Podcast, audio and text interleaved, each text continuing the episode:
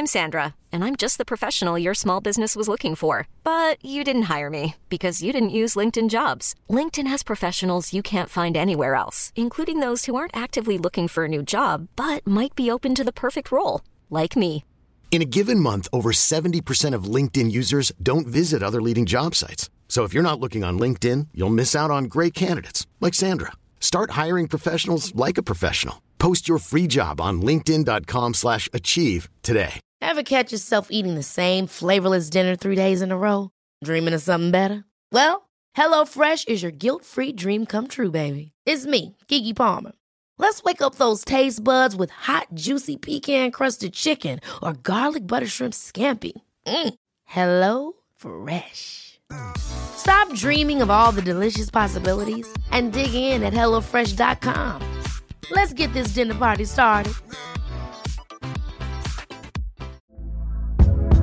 Hey there, it's Michelle Norris. I'm host of a podcast called Your Mama's Kitchen. When I travel, I'm usually looking for a way to find a taste of home when I'm not at home. And one of the things I love to do when I am at home is entertain. And Airbnb allows me to do that. When I was in California recently, I rented a house that had a great kitchen. And when we were sitting around the table, we we're all thinking, we're in someone else's house. Someone could be in all of our homes as well. If you have a home, but you're not always at home, you have an Airbnb. Your home might be worth more than you think. Find out how much at airbnb.com/slash host.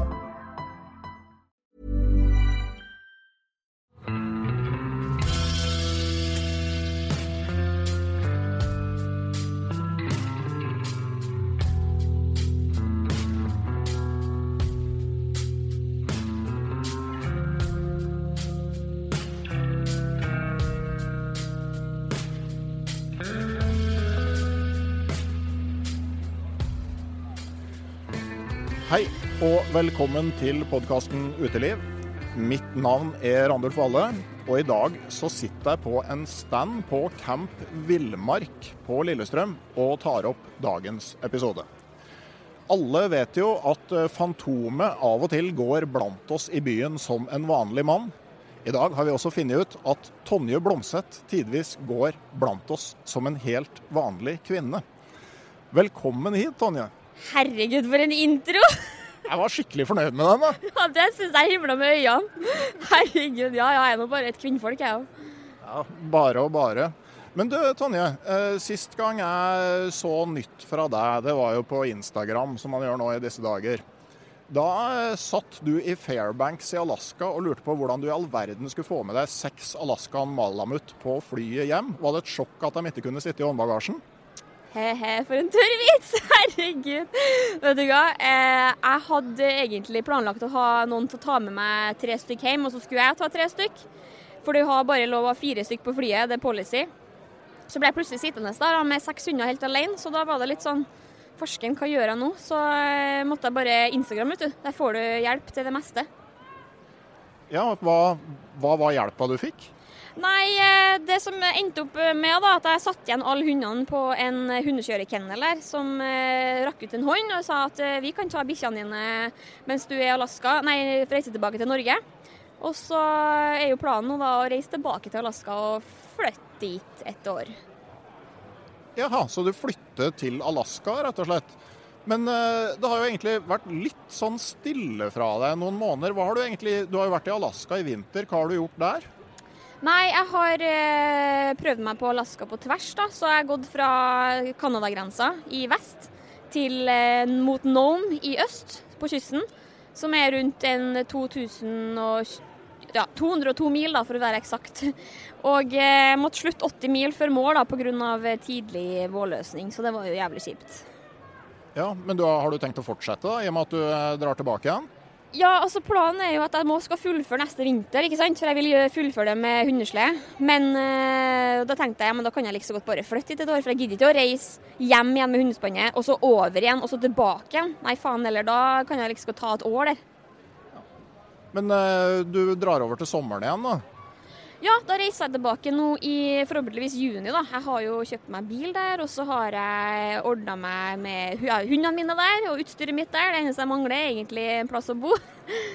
Ja Men det ordner seg kanskje? Ordner seg for snille piker, vet du. Men eh, er det på vinteren du skal fortsette den eh, kryssinga, eller begynner du videre på sommeren nå? Jeg har egentlig ikke bestemt meg, men jeg tror det blir en vintertur, så liksom det blir en helhet. da. Og så bruker jeg sommeren på å padle og gjøre andre kule ting, liksom. Bare farte der jeg vil, egentlig.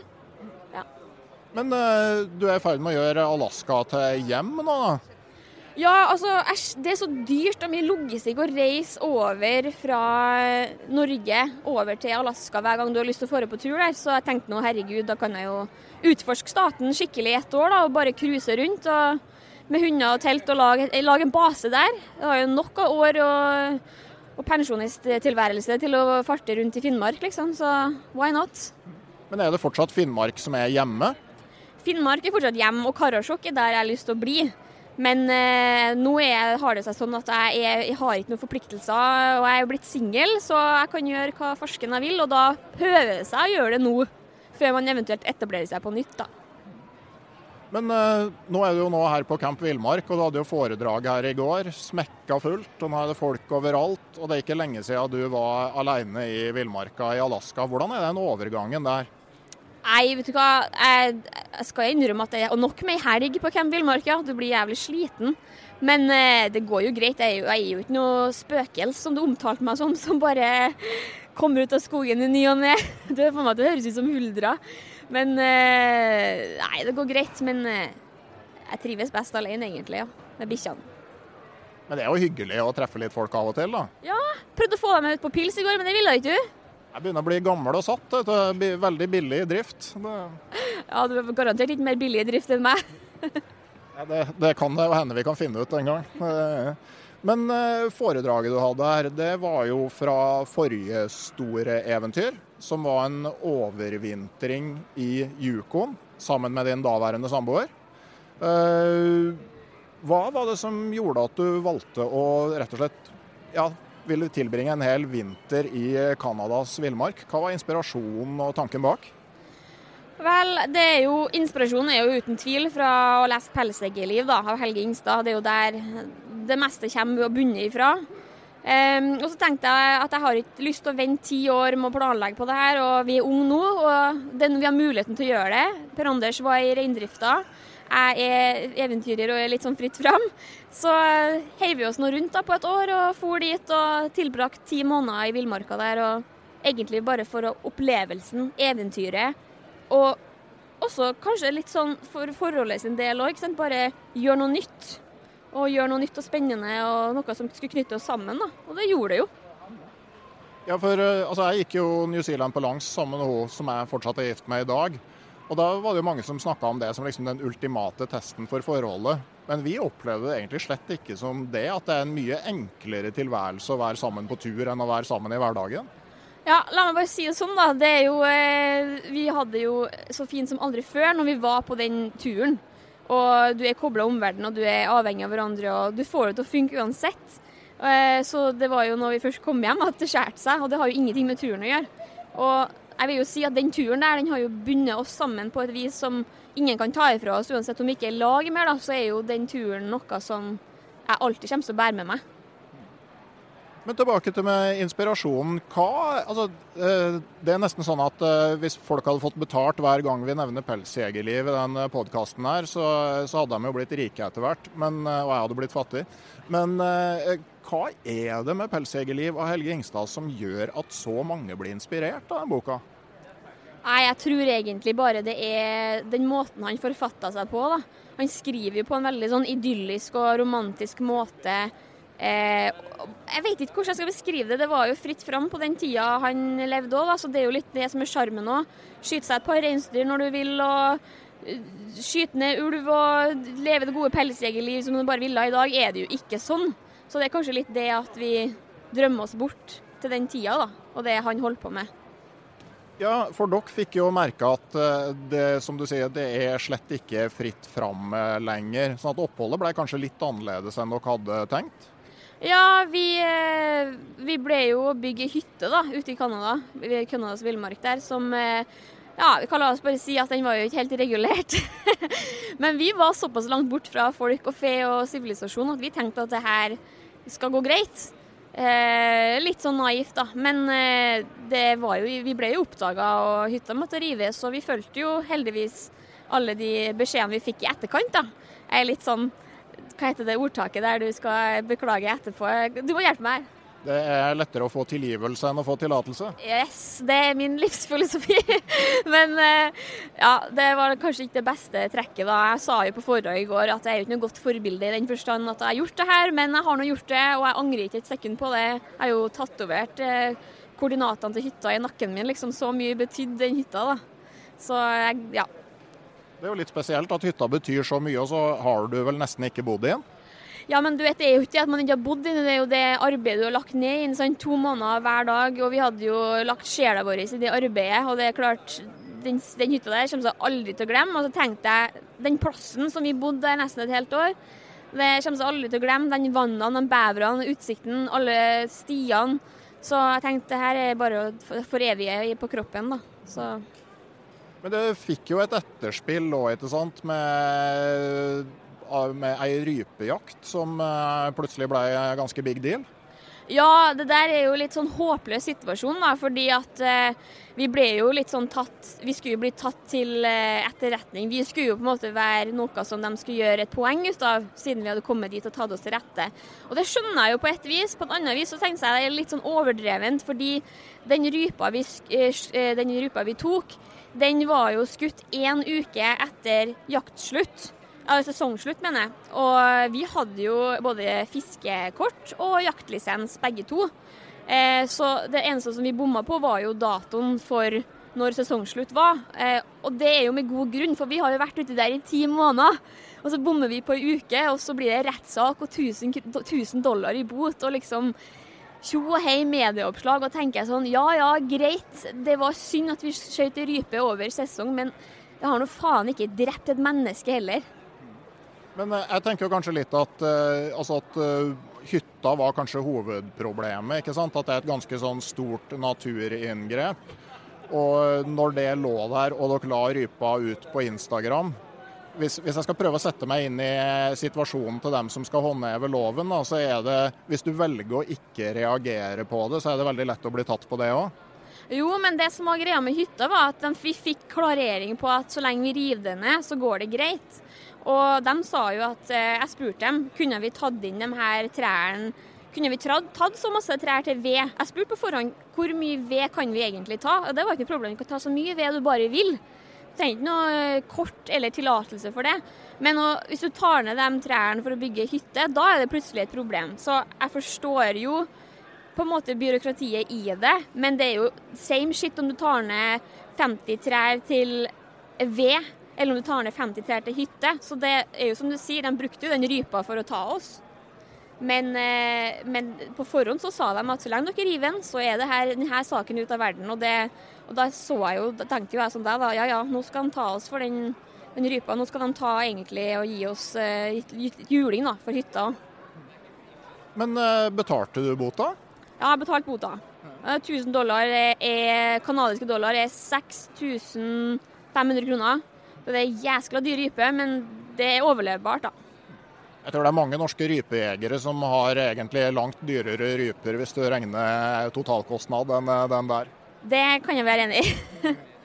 men, eh, men, kan du dra tilbake til Canada?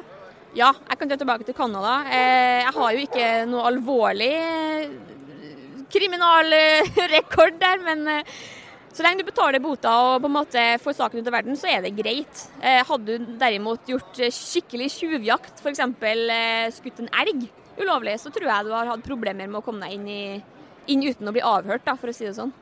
Ja. ja.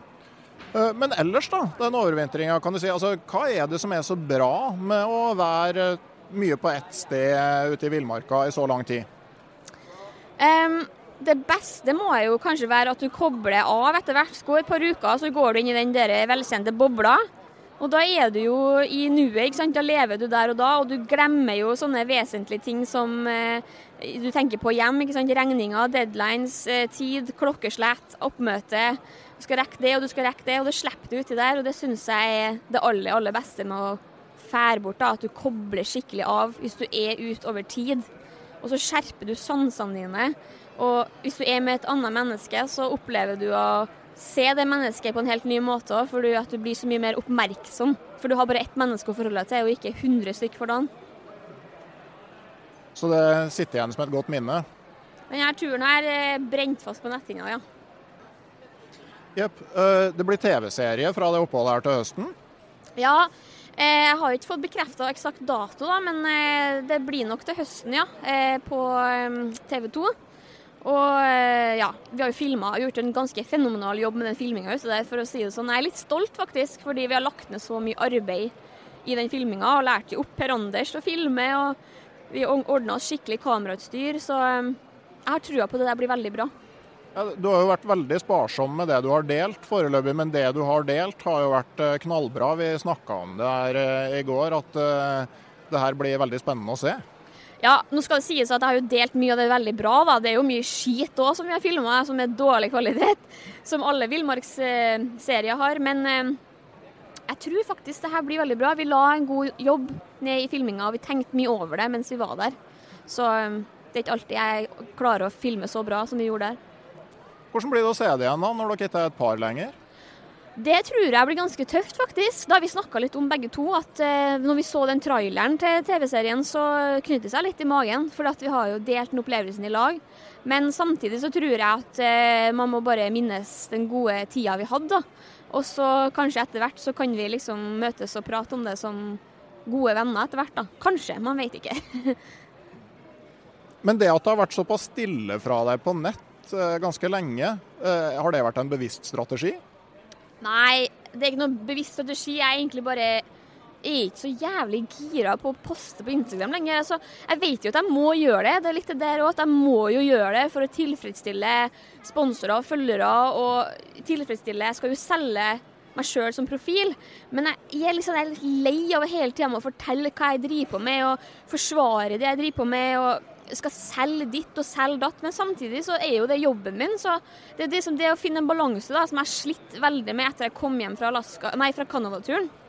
For da var jeg jo nesten et år avlogga, og da blir du så vant med å på en måte bare leve det livet du lever uten at noen trenger å vite en drit hva du holder på med. Og nå må du plutselig tilbake til hverdagen og dele absolutt alt. Og det har jeg slitt veldig med, å finne den balansen som gjør at det er greit å gjøre det, og samtidig som ja. Ja, for altså, Når du deler så mye og så ofte som du tidvis har gjort, altså, hender det at du liksom er på tur og føler at liksom, nå må jeg jobbe og eh, tilfredsstille følerne mine?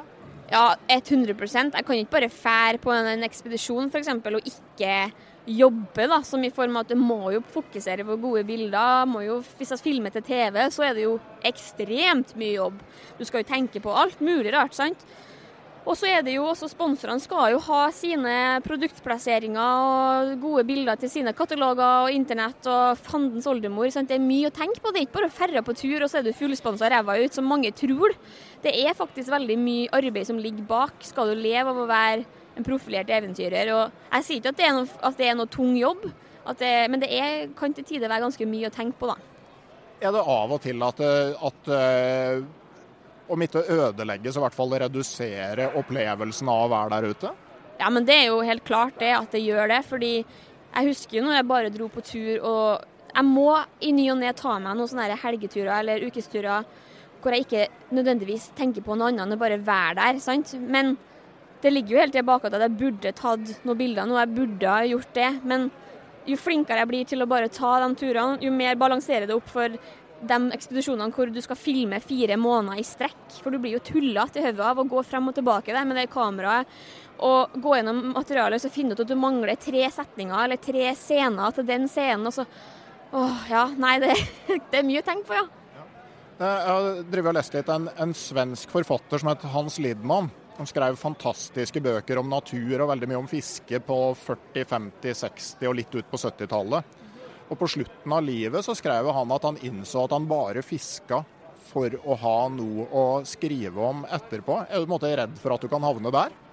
Nei, overhodet ikke. Fordi at eh, eh, den dagen du begynner å gå på tur for å ta bilder, eller for å ha noe å fortelle, da tror jeg da leverer ikke Da kommer ikke til å levere noe som er interessant for folket uansett.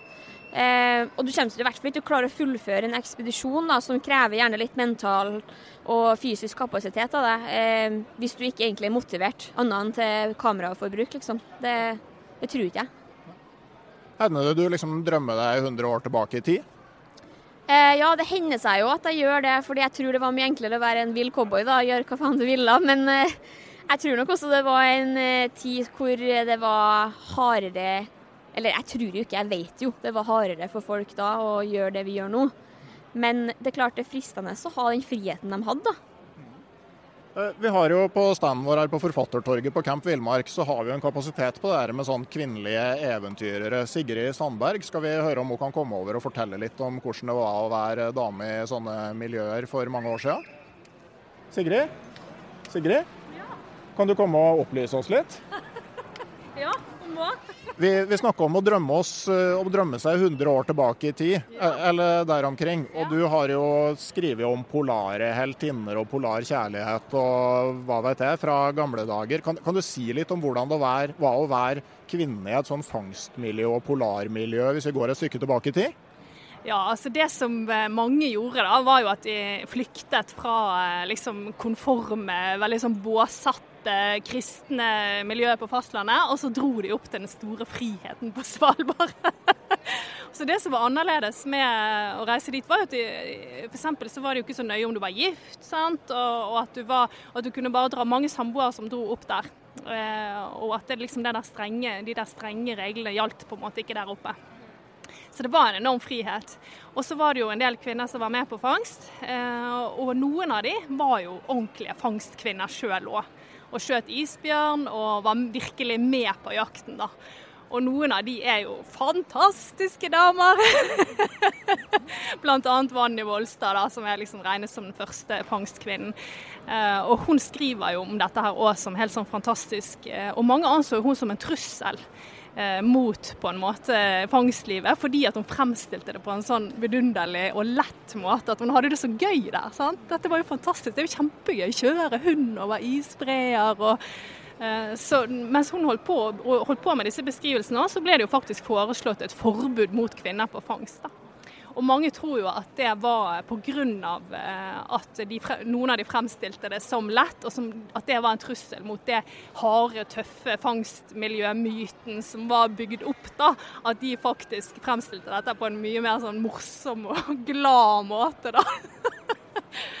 Er ikke det noe som har vært eh, Var ikke Liv Arnesen som fikk beskjed om at eh, du må ikke si at det er lett å gå til Sydpolen, for da ødelegger du sponsormarkedet? Nemlig. Det er akkurat det samme. Det er akkurat det samme. Eh, og litt Cecilie Skog også, liksom i den tradisjonen. da. Så det er det jeg syns har vært mest interessant med å undersøke disse gamle damene i forhold til hvordan de beskriver fangstlivet i forhold til til mennene. da. Altså De er ikke så opptatt av å bygge seg sjøl som helter, men de er mer opptatt av den ærligheten og den gleden de har over å være ute. Men også kan de være ærlige om lengsel og om sorger, da, selvfølgelig. Men de har en annen måte å, å, å beskrive det på, da, som jeg syns er vidunderlig. Hva du tenker om det her, Tonje? Jeg er veldig enig i at eh, jeg tror det er viktig at man på en måte fremstiller livet på tur som det faktisk er. Og det er jo en berg-og-dal-bane av følelser. Det er jo ikke hardcore shit hele tida. Eh, og det er jo for det meste glede, men det er jo også veldig mange tunge stunder. I hvert fall hvis man er mye ut over tid.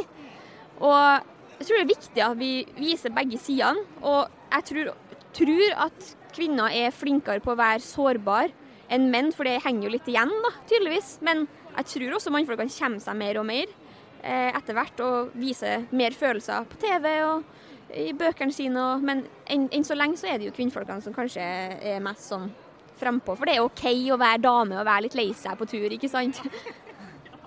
Jeg synes jo sånn som Jens Kvernmo er jo et veldig godt eksempel på, på den utviklinga der. At det er jo mange som har sagt at Jens Kvernmo er Lars Monsen med følelser. Du, det har jeg tenkt veldig mange ganger. At, jeg hadde faktisk lyst til å si det. At Jens eh, er jeg veldig imponert over. Han viser jo følelser, og han forteller jo veldig rått fra sjela si hva han føler og tenker. Og det, det, liker jeg, fordi det er ikke bare Ja, det er ikke Det er masse følelser i sving når man er på tur. Sånn er det bare.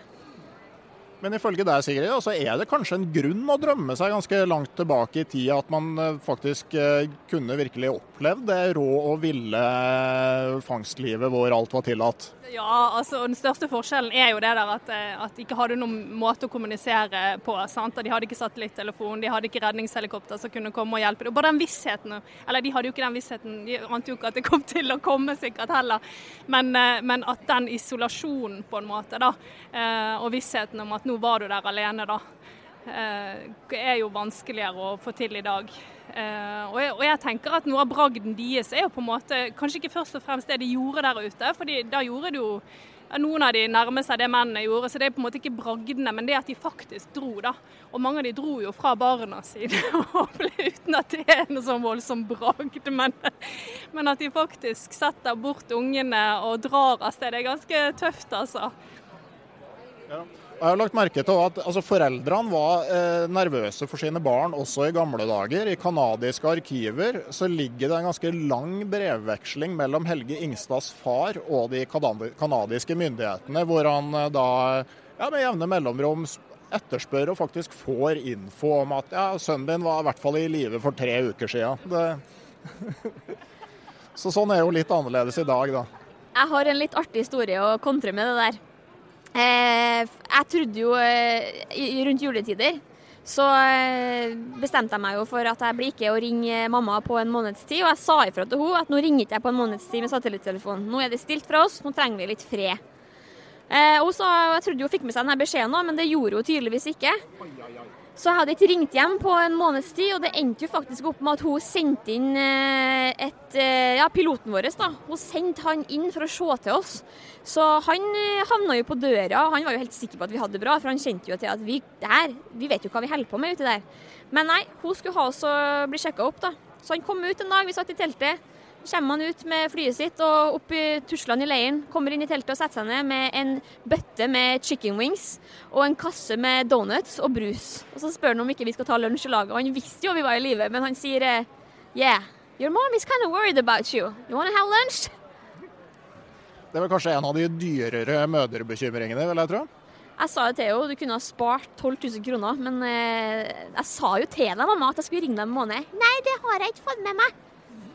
Jeg må innrømme at jeg òg, eh, da jeg skulle gå på ski gjennom Nordvestpassasjen, så som alltid så har man jo litt økonomiske problemer, og satellittelefon var litt vanskelig å få råd til. Men eh, mamma og pappa eh, endte med å sponse den av hensyn til sin egen mentale helse. Ja, Hun sier jo det at eh, hun gleder seg til den dagen jeg slutter med det, så hun får nattesøvn igjen. Men det har jeg jo sagt at da må hun, hun skal bli bra gammel før hun får seg noe ordentlig søvn da.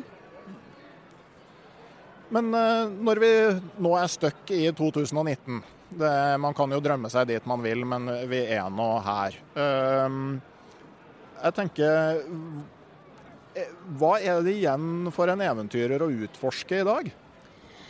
Nei det er jo ikke noen hvite flekker igjen på kartet. Det tror jeg egentlig er ganske godt konstatert. Men jeg tenker jo at eh, det trenger jo ikke nødvendigvis å være førstemann til å oppdage noen ting. da. Eh, og det trenger jo ikke å være førstemann til å gjøre noe, eller kryss på tvers, på langs, høyest, kortest. Jeg vet da faen. Alt, alt, er jo på en måte blitt gjort. Men jeg tenker jo det handler jo om hvilket eventyr du nødvendigvis trenger for din egen del. At det kanskje burde heller handle litt mer om det. Ja, for jeg tenker jo at i, i Norge så kaller vi jo sånne som deg for eventyrere. Mens i England så de, kalles de jo ofte for explorers. Og Det tenker jeg er et dårlig begrep, for det er jo ingenting igjen å utforske. Men eventyrer så sier det jo kanskje noe mer om at du gjør ting for eh, din egen del. Ja, altså jeg ville aldri kalt meg sjøl for en explorer, for det at jeg forbinder det med gamlegutter som uh, seilte inn i nytt nye land. ikke sant? Men jeg føler jo at mer det jeg holder på med, er for min egen del, og det er eventyret jeg lever for. Og da er det et mer passende tittel med eventyrer. Men det er klart, det er jo ikke mye mer nytt å se. Så man må jo være kreativ da, hvis man skal gjøre det til en kommersiell pakke, da, som man ofte må hvis man skal leve der. Ja, for, for, hvor har du inntektene dine fra? Å, det kan jo ikke være billig å fly eh, hit og dit med seks hunder og sånne ting? Nei, jeg har jo Det som er greia, skal du leve eventyrer som du godt vet at man må jo gjøre ganske mye forskjellige diverse jobber og være ganske kreativ for å få, for å få en stabil inntekt. Så det handler jo både om å være ambassadør, eh, det handler jo om å kanskje ta på seg noen sponsa innlegg i ny og ne, som f.eks. teste utstyr mot penger. Det kan være å skrive bøker, lage TV-serie. Eh, du kan være journalist og skrive artikler. ikke sant? Du kan ha Det er tusen ting du kan gjøre for å tjene penger. Du kan ha foredrag. Så I tillegg så driver jeg jo en nettbutikk, da, så jeg prøver jo på en måte å få noe på si i tilfelle jeg skulle knekke ryggen og bli lam resten av livet i morgen. At jeg har noe som i hvert fall backer meg opp sånn sett. Så, men det er en eh, du skulle, Hvis du skulle sett hva jeg fakturerer for, så er det mye forskjellig. Ja.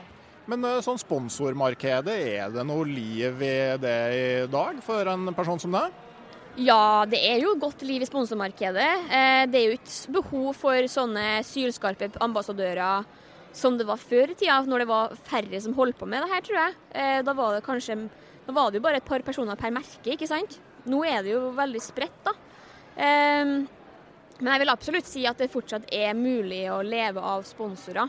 Men du må være Du må vite hvilke sponsorer du skal gå til, for det er ikke alle som er lenger villig til å ja, vie all sin økonomisk bistand til én person. da. Det skal jo spres på mange. Ja, Og du konkurrerer kanskje med helt andre typer eh, personer, altså sånn type Instagram-profiler, og eh, at det er mye sånn som plutselig teller òg?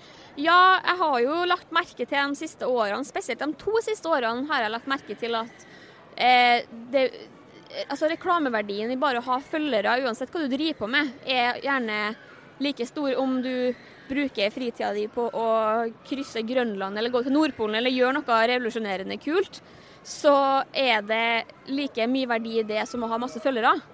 Eh, eventuelt mindre verdi, faktisk, fordi at mange følgere og mange likes er jo større markedsverdi for sponsoren enn det er for en person som gjør noe kult og får én nyhetsartikkel, liksom. Skjønner du hva jeg mener? Ja. Men hva du tenker om det, da? Nei, jeg tenker jo at det er Jeg syns det er litt synd at bransjen tar den veien. Og det blir jo å kaste litt stein i glasshus fordi at jeg har jo også masse følgere. Og tilfredsstiller jo følgerne mine og sponsorene mine ved å legge ut ting de vil ha. Men jeg går faktisk mer og mer bort ifra den måten å selge seg sjøl på fremfor å selge det du driver på med. Jeg syns ikke noe om at sponsorer ja, La oss si high end merkevarer som koster flesk og er ordentlig kvalitet og er ment for tøft bruk, som det for øvrig blir færre og færre av i dag, fordi at folk trenger ikke lenger.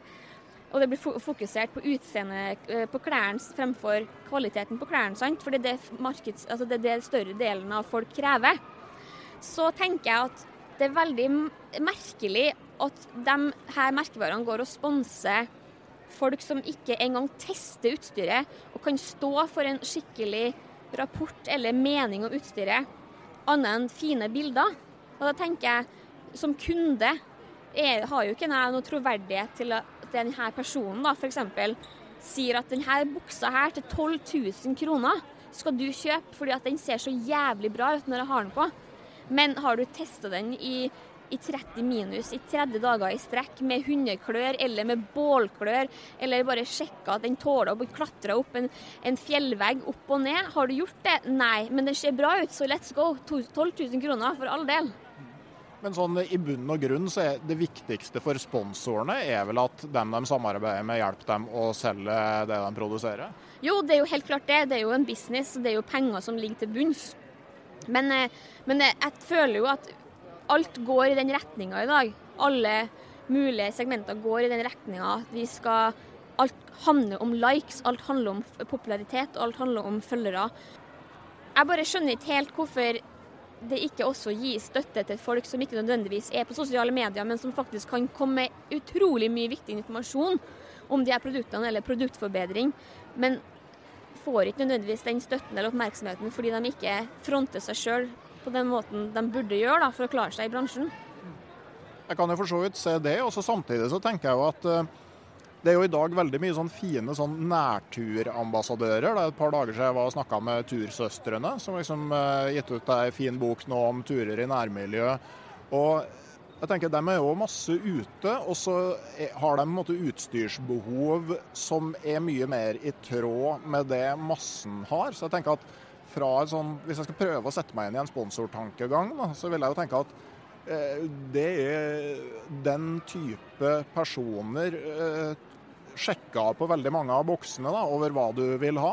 Ja, og Det er jeg helt enig i, for det er noe jeg kan så er i denne bransjen. Jeg skjønner alle tankesegmenter, jeg skjønner det.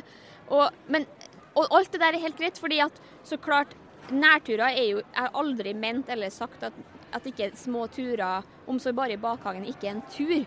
Det er jo det kanskje folk har misforstått med det jeg sier. Det jeg legger pekefingeren på, er jo bransjen. Eh, og, og, det er veldig mange high end-merker med kvalitetsutstyr som jeg føler ikke blir promotert på riktig måte, da. Jeg tenker òg videre på ehm, Du har jo eh, et motto som er 'følg drømmen, ikke strømmen'. Jeg tenker, Kan ikke drømmen også finnes i strømmen? Jo, det kan den vel.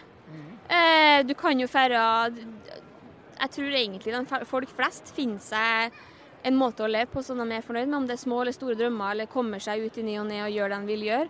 Eh, men jeg har valgt det mottoet, for det er jo det rimer. Og det er et bra motto. Ja, og det er jo veldig beskrivende for det du gjør. Men jeg tenker altså jeg tenker nå, nå sier jeg vi, sjøl om jeg nå er mer småbarnsfar enn en eventyrer. Da. Men vi som lever av det her, tenker jeg skal være eh, veldig forsiktig med å tro at dem som lever et helt vanlig liv, eh, ikke gjør det helt bevisst. Eh, for jeg, jeg, tenker at det, det, er veldig mange som bare har det som virker som et A4-liv, som egentlig alltid har drømt om det, og det er jo egentlig ganske fint. Ja, men det er jeg jo helt enig i, og jeg har aldri ment eller trodd eller sagt at folk som lever det vanlige liv, da, la oss kalle det A4-livet, da, ikke har det godt med seg sjøl.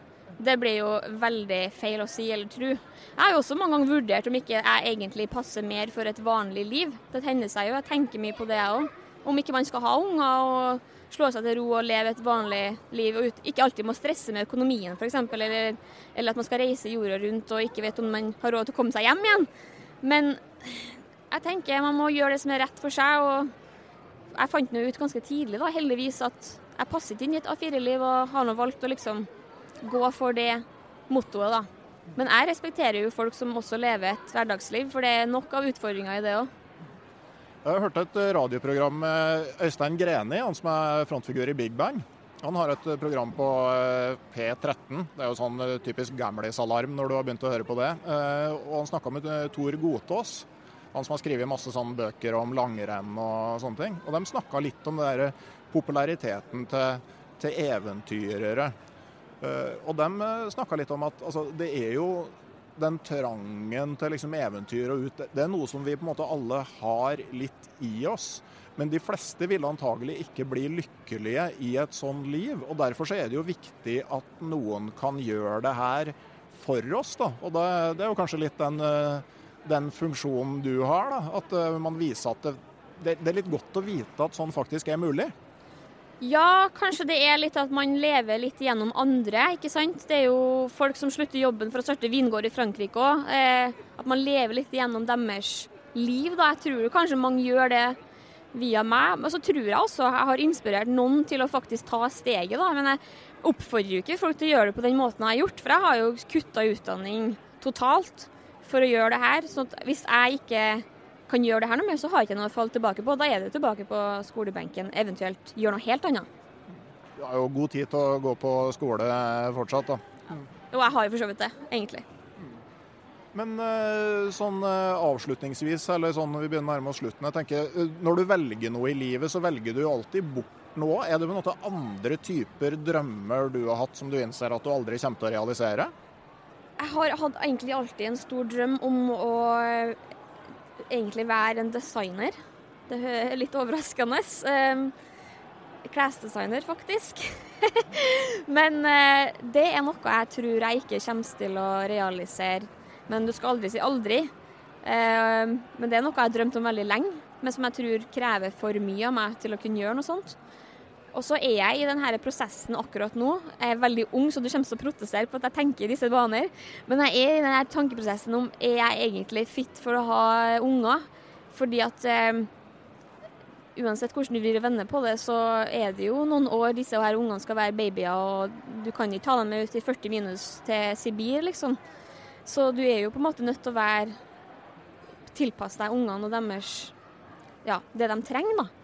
Og jeg har noen gang tenkt på at er jeg egentlig villig til å gjøre det? Og jeg er skikkelig i den tankefasen nå. Og jeg har jo god tid, da, for har, nå har jeg jo ikke noen som nødvendigvis vil ha familie med meg heller, så det går jo veldig greit. Men det er faktisk noe jeg seriøst vurderer.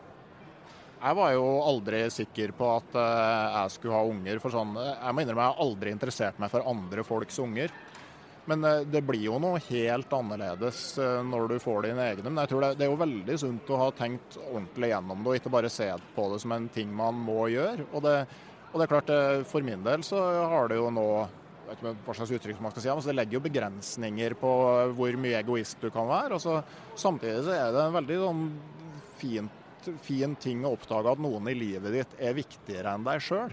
Det, det, er en interessant tanke. Og, og, når de blir litt eldre nå, så er det utrolig artig å, å ha dem med ut. Men, men, det er jo ikke gitt at man absolutt må.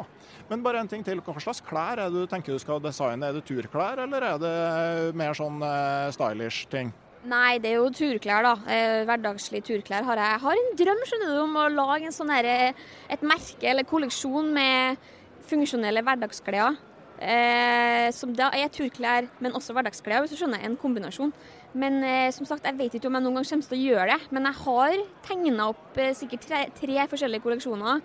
Jeg har eh, en bok om hvordan man starter sitt eget klesmerke. Jeg har liksom gjort research ganske bra. Men jeg tror nesten det blir med drømmen. Men jeg er jo bare 25, så vi har jo god tid. Du har veldig veldig god tid. Jeg har innsett at det, det, eneste jeg virkelig kommer til å angre på den eh, dagen jeg går i Torva, det er at jeg aldri prøvde å starte et ordentlig rockeband. Ja, men det tror jeg du hadde gjort det jævlig bra med. Hvem vet. Men så når det gjelder tur, da. Har du noen sånn eh, ja, Nå skal du fullføre en Alaska-kryssing til vinteren, og det er jo sånn egentlig once in a lifetime-ting for de fleste.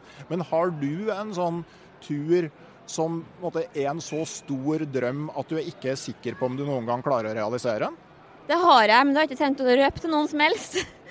Jeg har det. Eh, den går jo over flere år. Eh, og jeg må nok jobbe meg opp vesentlig i erfaring og kunnskap før jeg eventuelt kan tenke på å gjøre noe sånt. Men eh, ja, som sagt, jeg er jo heldigvis da, bare 25, så jeg har jo heldigvis litt tid på meg å finne ut om det er noe jeg kan gjøre. Og det krever jo ikke bare mental og fysisk kapasitet, det krever jo også penger, ikke minst. Det er jo dritdyrt å dra på tur i flere år. Så skal du kanskje i tillegg eh, ta vare på hus og hjem og bil og sånne ting.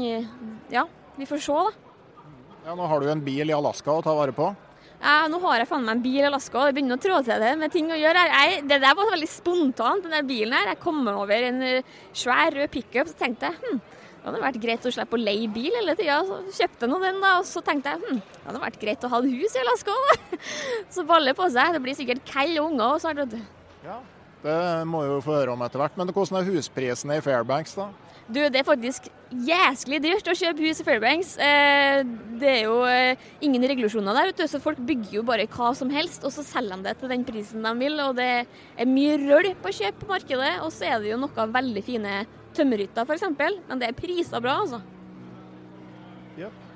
Men da eh, tror jeg vi eh, har kommet til en slutt her, Tonje. Det var hyggelig at du hadde lyst til å være med. Jeg gleder meg til å se foredraget ditt uh, seinere i dag. Og så må du love å oppdatere litt på, på, Det er vel Instagram som gjelder nå, så vi får vite litt om hva du driver om videre òg. Ja, nå vet ikke jeg sist du var så interessert i å få på Instagram og nolles, men jeg skal prøve å være litt mer flink med å dele, eller så kanskje jeg bare trekker meg helt ut. Men det, det, det har jeg jo strengt tatt ikke lov til. Den er grei.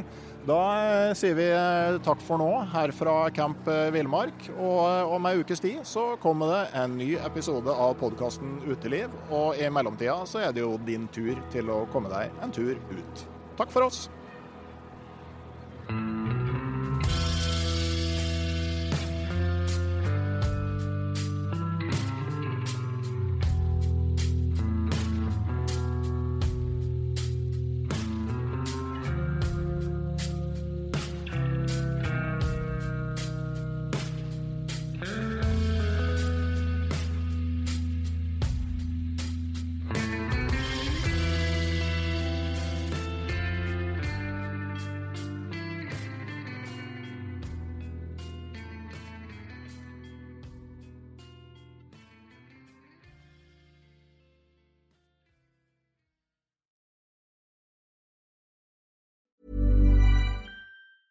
Ever catch yourself eating the same flavorless dinner three days in a row? Dreaming of something better? Well, HelloFresh is your guilt-free dream come true, baby. It's me, Kiki Palmer. Let's wake up those taste buds with hot, juicy pecan-crusted chicken or garlic butter shrimp scampi. Mm. Hello Fresh. Stop dreaming of all the delicious possibilities and dig in at HelloFresh.com. Let's get this dinner party started.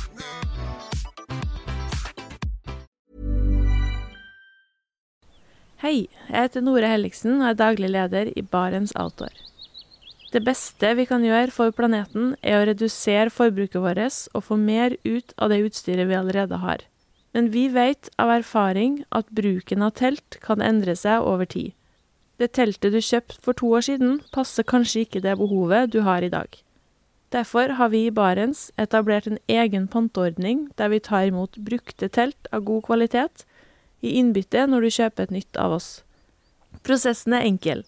På barentsoutdoor.no gir det oss informasjon om teltet du vil bytte inn. Basert på det får du et tilbud fra oss som gir deg rabatt på ditt neste Barentsprodukt. Mer info og betingelser finner du på barentsoutdoor.no. Og husk at den første reparasjonen på produkter fra Barents er alltid gratis.